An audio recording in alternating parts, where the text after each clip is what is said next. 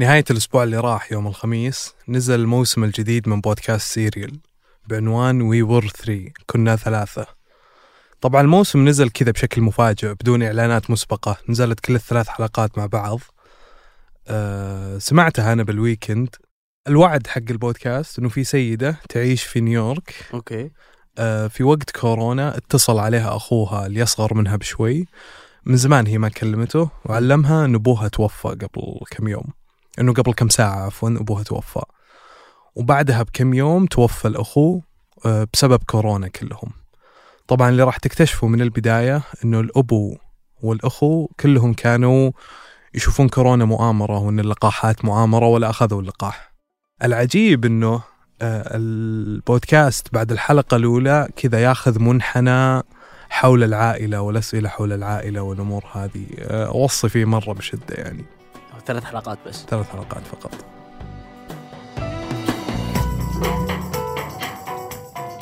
هذا بودكاست الفجر من ثمانية. بودكاست فجر كل يوم نسرد لكم سياق الأخبار اللي تهمكم. معكم أنا أحمد الحافي. وأنا مشاري الحمود خبرنا الأول روسيا تمطر كييف بمسيرات كيميكازيا الإيرانية. وفي خبرنا الثاني نحكي عن تخصيص مؤسسة بيل جيتس أكثر من مليار دولار للقضاء على شلل الأطفال.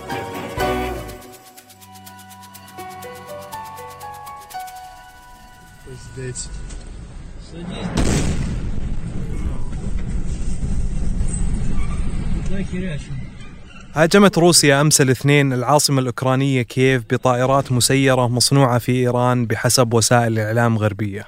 الهجوم خلف قتلى ودمار واسع في البنية التحتية. استخدمت روسيا في هذا الهجوم مسيرات انتحارية تسمى كاميكازي. هذه المسيرات تستخدمها روسيا بشكل متزايد في الأسابيع اللي راحت. خصوصا بعد ما شهدت انتكاسات في معركتها في أوكرانيا هجمات كيميكازي زادت بعد أسبوع واحد من تفجير جسر القرم اللي تزامن مع التفوق الميداني لأوكرانيا مؤخرا خصوصا مع قرب نفاذ مخزون روسيا من الصواريخ وتعطل قدرتها على شن القصف الجوي خاصة مع الاصطفاف والدعم الغربي القوي بقيادة أمريكا لأوكرانيا لكن وش مسيرات كاميكازي اللي تستخدمها روسيا حاليا؟ وش علاقة إيران بهالطائرات؟ وليش تحاول إيران دعم روسيا في الحرب رغم المنافسة بينهم في قطاع الطاقة؟ مسيرات كاميكازي اللي تستخدمها روسيا حاليا تتميز بسرعتها العالية يعني توصل سرعتها إلى 200 كيلومتر في الساعة ويمكن مشاهدتها عن بعد قبل ما تهاجم الهدف. بعض الخبراء يشيرون أن مسيرات كاميكازي مزودة برؤوس حربية. حاليا في عدة دول تصنع هذا النوع من المسيرات منها إيران وإسرائيل وتركيا. وتزايدت الاتهامات ضد إيران اللي تربطها علاقة قوية بروسيا أنها تزود روسيا بهالنوع من المسيرات. ففي يوليو الماضي أعلن البيت الأبيض أن عنده معلومات استخباراتية عن دعم إيراني لروسيا وبأن طهران راح تزود موسكو بمئات الطائرات المسيرة بما فيها طائرات قتالية وأن إيران راح تدرب الروس على استخدام هالطائرات. وبحسب مستشار الأمن القومي في البيت الأبيض جاك سوليفان هذه الطائرات شبيهة باللي استخدمها الحوثيين في استهداف منشآت أرامكو السنة الماضية. وفي المقابل نفت إيران هذه التهم. ورفض المتحدث باسم الخارجية الإيرانية ناصر كنعاني في مؤتمر صحفي مؤخرا الاتهامات وذكر أنها مجرد ادعاءات غربية تستخدم لأغراض سياسية. أما سلاح الجو الأوكراني أكد أنه أسقط 37 طائرة مسيرة روسية من يوم الأحد الماضي. الجيش الأوكراني ذكر أنه أسقط في سبتمبر الماضي أول مسيرة روسية مصنوعة في إيران. لكن اتهامات الدعم الإيراني يفتح تساؤلات عن علاقة النظام الإيراني بروسيا وسبب التقارب الروسي الإيراني أكثر بعد الحرب الأوكرانية. عشان نفهم طبيعة العلاقات بين روسيا وإيران في الوقت الحالي خلنا نرجع لآخر ثلاث عقود. فبعد الثورة الإيرانية في عام 1979 أعلن الخميني أن إيران راح تنتهج سياسة لا شرق ولا غرب. ولكن شعور روسيا وإيران بأنهم منبوذين من الغرب ساعد في تقارب البلدين. تزايد التعاون بشكل أكبر لما بدأت الأحداث في سوريا عام 2011 خصوصا من الناحية العسكرية. لكن هذا ما يعني أن العلاقات مؤخرا ما كانت فيها خلافات ومنافسة. في إيران كانت تشوف روسيا منافس اقتصادي كون أن البلدين ينتجون كميات ضخمة من النفط. روسيا تؤثر على قدرة إيران على بيع النفط وإيجاد مشترين جدد. وموسكو تشوف أن طهران تأثر على مبيعات النفط الروسي خصوصا بعد الحرب على أوكرانيا واللي تزامن مع عقوبات غربية على قطاع الطاقة. رغم هالشيء تتفق الدولتين على معارضة الهيمنة الأمريكية على الساحة الدولية والدليل زيارة بوتين لطهران في يوليو الماضي واللي وصفتها بي بي سي إنها بمثابة مواجهة متعمدة لزيارة الرئيس الأمريكي جو بايدن الأخيرة لإسرائيل والسعودية، واللي تعتبرهم إيران خصمين رئيسيين لها في المنطقة. رغم التقارب القوي بين إيران وروسيا، يشوف الخبراء أن العلاقات ما وصلت لمرحلة التحالف لسببين. الأول معارضة إيران للحرب في أوكرانيا، وثانيا بسبب تطوير روسيا علاقات جيدة مع خصوم إيران خصوصا مع دول خليجية وإسرائيل.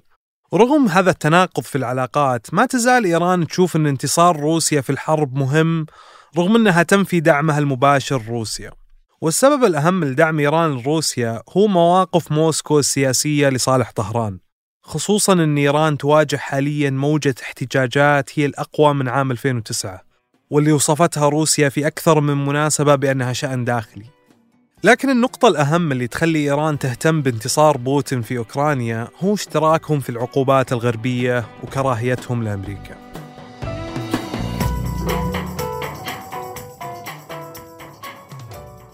يوم الأحد الماضي أعلنت مؤسسة بيل جيتس الخيرية عن تخصيص 1.2 مليار دولار للقضاء على شلل الأطفال. ويعتبر هذا التبرع هو الأعلى في تاريخ مواجهة المرض.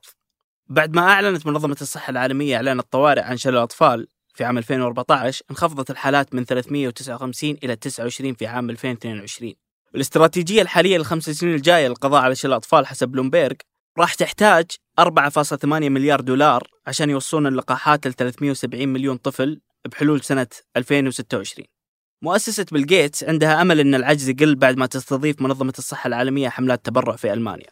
طيب ليش ليش بيل جيتس مهتم لهالدرجة بموضوع خيري؟ في أسباب. والسبب الأول انه كان فيه عجز قبل ما تتبرع مؤسسة بيل جيتس. وسبب العجز إن النرويج وبريطانيا خفضوا الدعم اللي مخططين له. السبب الثاني ميزة هالمرض إنه مشكلة ممكن حلها بشكل جذري. فبمجرد أخذك الثلاث جرعات من اللقاح تصير محمي تقريبا بنسبة 100% من المرض.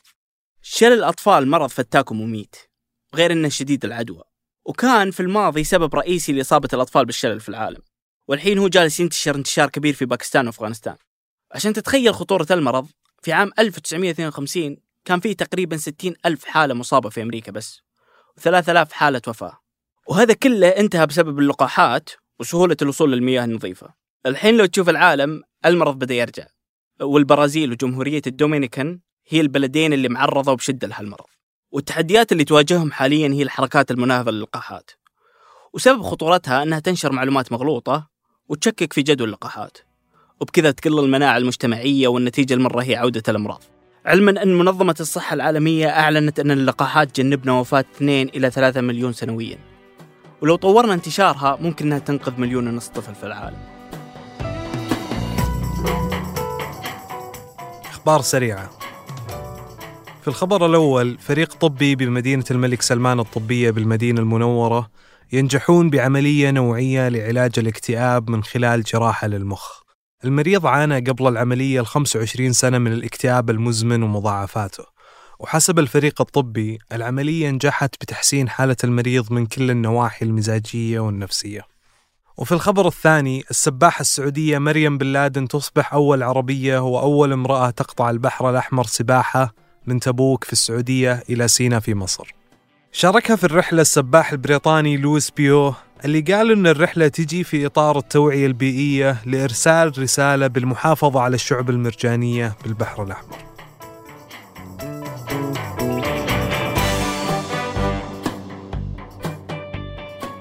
أنتج هذه الحلقة تركي البلوشي وتركي القحطاني. قدمتها أنا أحمد الحافي. وأنا مشاري الحمود. حررها محمود أبو ندى نشوفكم بكرة الفجر.